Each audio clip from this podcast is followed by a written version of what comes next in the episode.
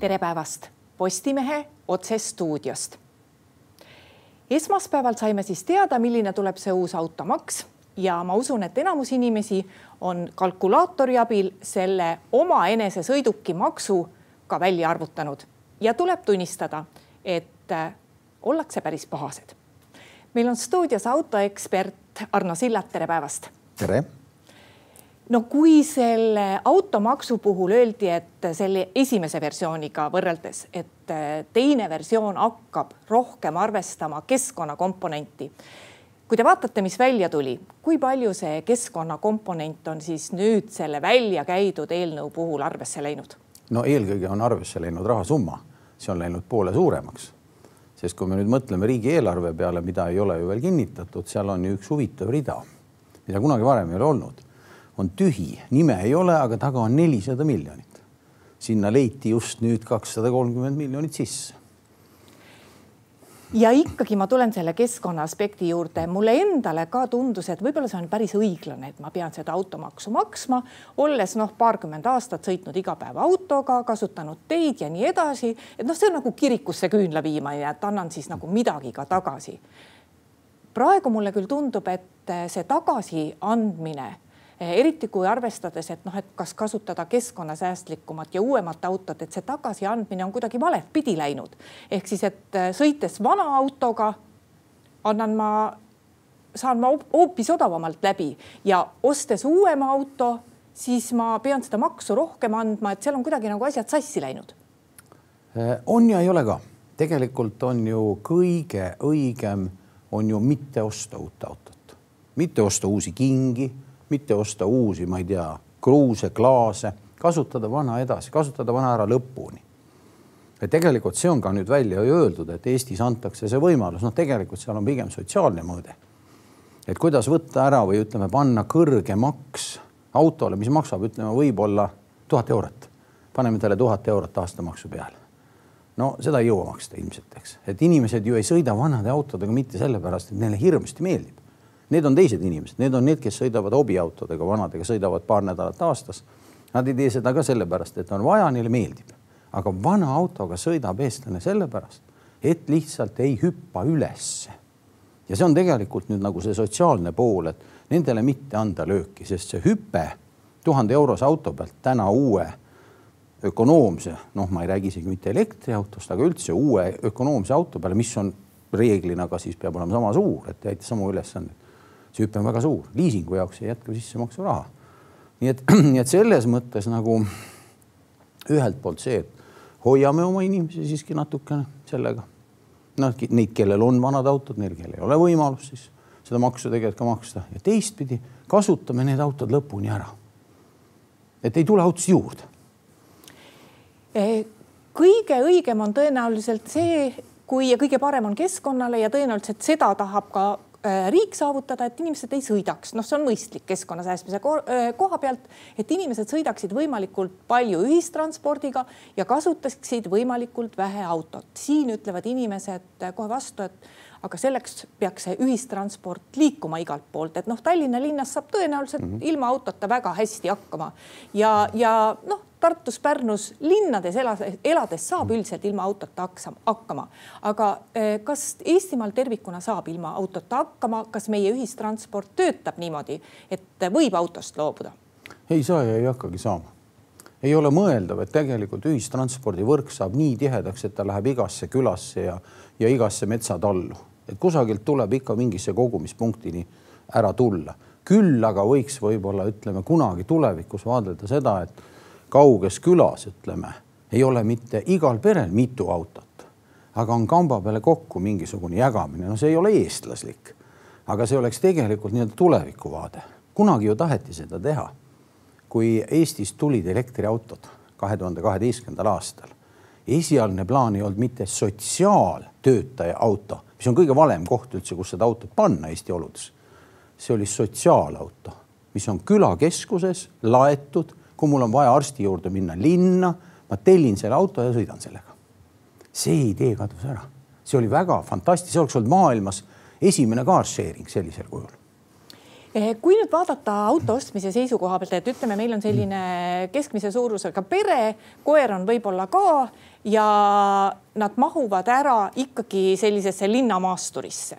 Kui nad peaksid nüüd uue äh, äh, auto ostma või ütleme, mõtlema, mis edasi teha, arvestades sellega, et selle linnamaasturi auto aastamaks on päris kulukas, et mis nad siis teevad, et mida on nagu otstarbekas rahakoti seisukohalt teha, et kas siis osta hoopis kaks vanemat autot ja sõita siis suvilasse, ütleme kahe autoga või ikkagi eh, maksta ära see kallis maks, et mis praegu oleks nagu hea eh, käitumine või, või otstarbekas rahakoti seisukohalt otstarbekas käitumine? tegelikult siin on kolm varianti üks on see, et sõita oma vana autoga edasi.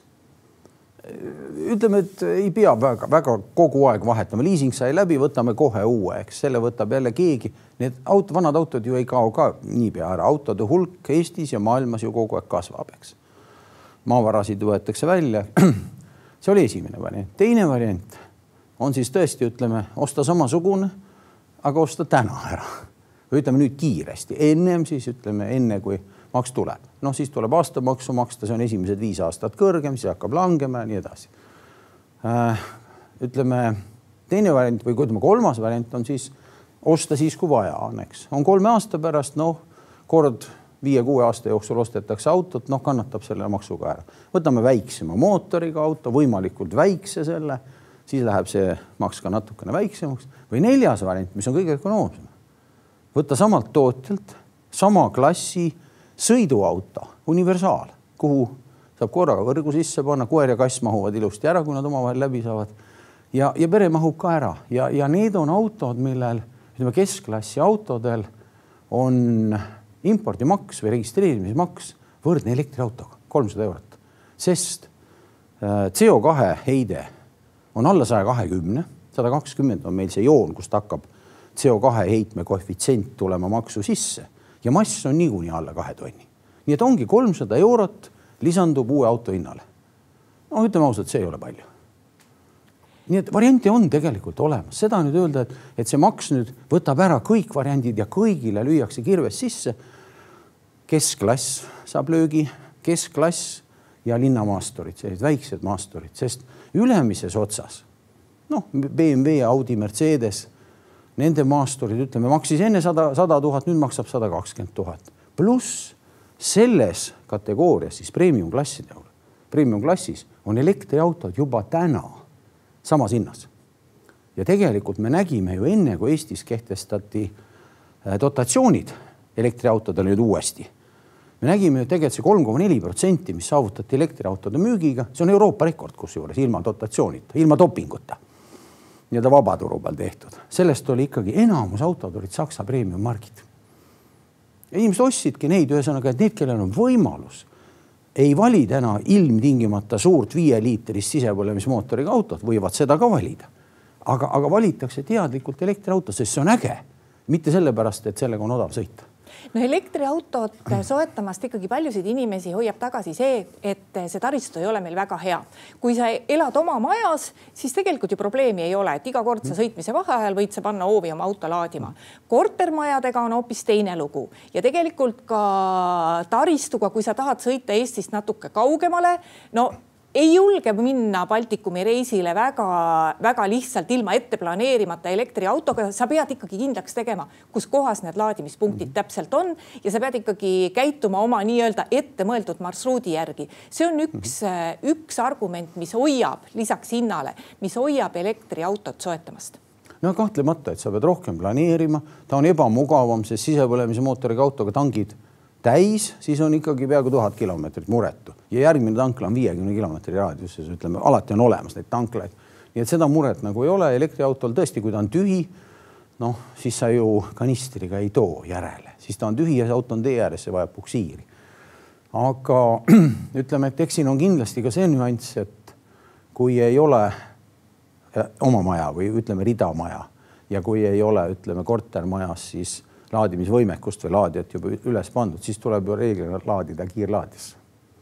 ja kiirlaadija hind ei ole mitte see, mida me kodus saame. ja see on juba hoopis teine hind, nii et, et tegelikult siis juba see ökonoomika, et me nüüd sõidame odavamalt sada kilomeetrit kui näiteks ütleme ökonoomne diiselautoga või diiselmootoriga auto, siis see enam ei, ei klapi. see klapib siis, kui kodus või tööl saad laadida seda, seda, mis parasjagu börsil täna on või on siis universaalpakett. igal juhul on ta odavam kui see, mis tuleb kiirlaadijast. kiirlaadija paigaldaja soovib ju oma investeeringu saada tähe, täiendavalt tagasi, aga elektri hind on kõigil üks teine küsimus on see, et eh, kui ruttu arenevad edasi akud, et eh, mida paremad on akud, mida kaugemale nad võimaldavad sõita või mida rohkem nad võimaldavad läbi sõita, seda rohkem tekib kindlus selle elektriauto suhtes. kus me täna oleme? no alguses. me oleme jätkuvalt ikkagi alguses, et see on tegelikult olnud nagu minu jaoks isegi pettumus, ütleme nagu inseneeria poole pealt vaadeldes, et noh, kümme aastat tagasi, kui Euroopa Liit hakkas välja käima seda kahekümne esimese aasta CO2 normi, siis olid äh, valdav enamus tootjaid oma koosolekutel nimetasid välja, et kahekümne esimesel aastal on meil keskklassi auto, elektriauto, sisepõlemismootoriga autoga samas hinnas ja sõidab kaheksasada kilomeetrit. seda autot ei ole ei ole näha ka praegu, et tuleks.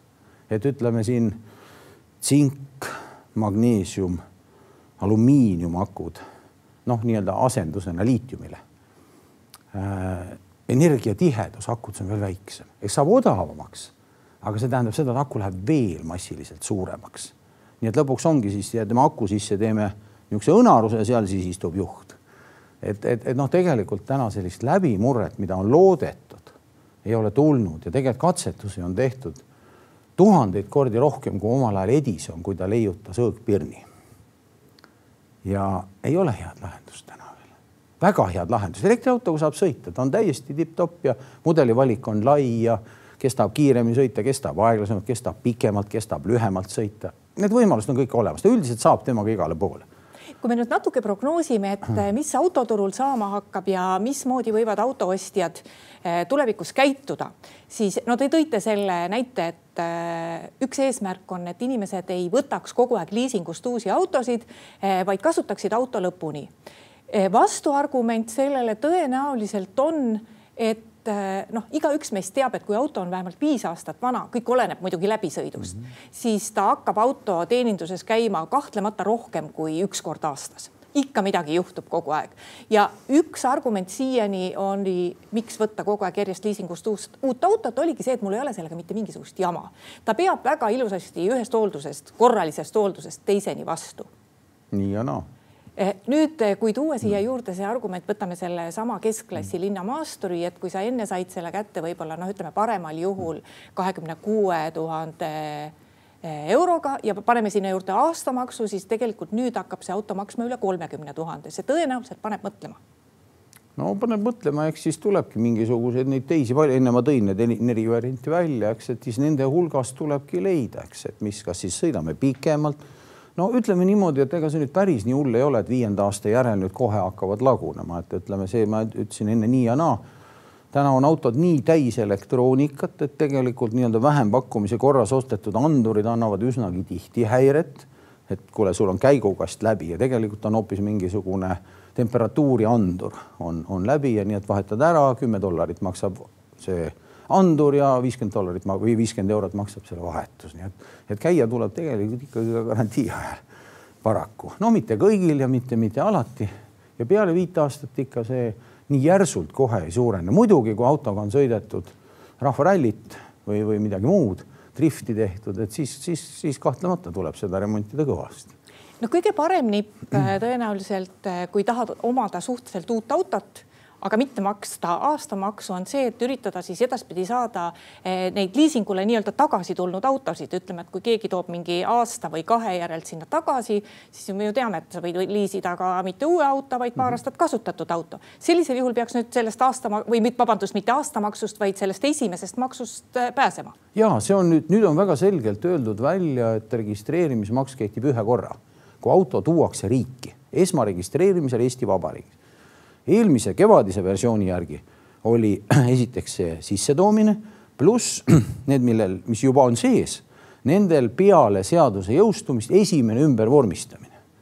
aga noh, seda juba ka kümme aastat tagasi, kui taheti seda teha, natuke vähem, ikka kümme aastat peaaegu, siis oli ka vastuargument sellele, et aga siis ei hakata ümber vormistama, sest vana autot, mis maksab võib-olla, ma ei tea, paar tuhat eurot, võib-olla paarsada eurot.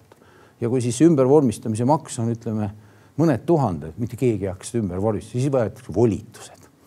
nii et, et, et sealt tegelikult ei tule midagi, seal ei ole mõtet, teeb segadust palju, nii et, et see on sissetoomisel, maksad ühe korra, pärast ei maksa no mis te prognoosite, see autoäri, kus vanu sõidukeid toodi eh, mujalt Euroopast sisse, see kuivab nüüd kokku ilmselt? ta ei kuiva nii palju, sellepärast et sissetoomisel ju on ka vana auto koefitsient ehk siis vana auto maksud on väiksemad. Ehk siis tulevad veel vanemad autod, on mõttekas sisse tuua? no kakskümmend aastat vanal autol on sissetoomine kolmsada, ütleme kakskümmend aastat vana auto on juba nii odav, et see kolmsada eurot ka tekitab pigem sellise natuke tõrke või ütleme heidutuse, et seda ei tasu tuua. me ei räägi uunikautodest, need on, need on kallid ja, ja neid tuuakse ikka. no unikaalsed autod erinevad, ütleme kogumisautod, hobiautod, sellised, aga ma mõtlen tänaseid autosid. aga tegelikult ütleme niisuguse, kui peale vaadata sellele nagu nendele maksuastmetele, siis suure tõenäosusega kuus kuni kaheksa aastat vanasid autosid hakatakse rohkem tooma Eh, kõik see hakkab kehtima meil aastal kaks tuhat kakskümmend viis ehk siis, et meil on üks aasta ja ütleme kolm kuud. Need, kes tahavad nüüd uut autot soetada, on aega tegutseda. Eh, automüüjatel on see aeg tõenäoliselt, uute autode müüjatel on see aeg tõenäoliselt eh, väga kiire aeg, nii et ostetakse, ma arvan, palju no tõenäoliselt küll, sest noh, kuna on, kui on vaja, ütleme lähema aja jooksul ikkagi vahetada, siis on mõtet seda teha nüüd, kui saab kätte, eks ju, kui ooteaeg on kaks aastat, siis see läheb igal juhul maksu all. Siis ei tasu, ütleme, pingutada rohkem kui vaja.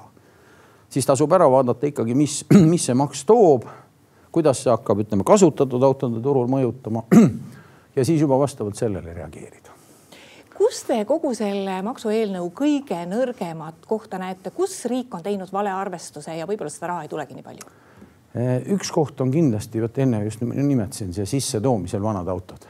aga teine koht, mis tegelikult lööb ettevõtjatele et ettevõtte autol ei ole ajakoefitsienti. nii et põhimõtteliselt, kui ma tahan endale tuua Euroopast näiteks ütleme kaubiku mingisuguse erivarustusega, kümme aastat vana, mõistliku läbisõiduga, ma maksan täie rauaga. kuigi võib-olla see kaubik ise maksab, ma ei tea, viis tuhat eurot, ma maksan tema pealt poolteist tuhat eurot veel otsa. et, et see tegelikult ei ole, sest no ütleme, äriloogika on ikkagi see, kui ma alustan äri noh, ma ei pruugi saada kohe osta kõiki uusi seadmeid ja asju, noh, kui mul on liiga palju raha, noh, ma muidugi saan seda teha, aga siis ma keskendun ka, et ma ostan omale treipingid, freespingid või teen oma põhitöö asjad, hangin endale ja transport sellisel juhul on ikkagi nagu toetav. võtan ikkagi vanema kaubiku. vot seda tegelikult ei toetada, et see on nagu noh, ütleme siis ka kommentaar ju rahandusministri poolt oli ju see, et noh, me neid lükkame nagu uute peale. elektrikaubik maksab kaks korda rohkem sinna on väga raske lükata. aitäh tulemast stuudiosse. Ja aitäh ka kõigile neile, kes meid vaatasid ja meie järgmine otsesaade on nüüd eetris juba peaaegu kümne minuti pärast, nii et vaadake edasi. thank you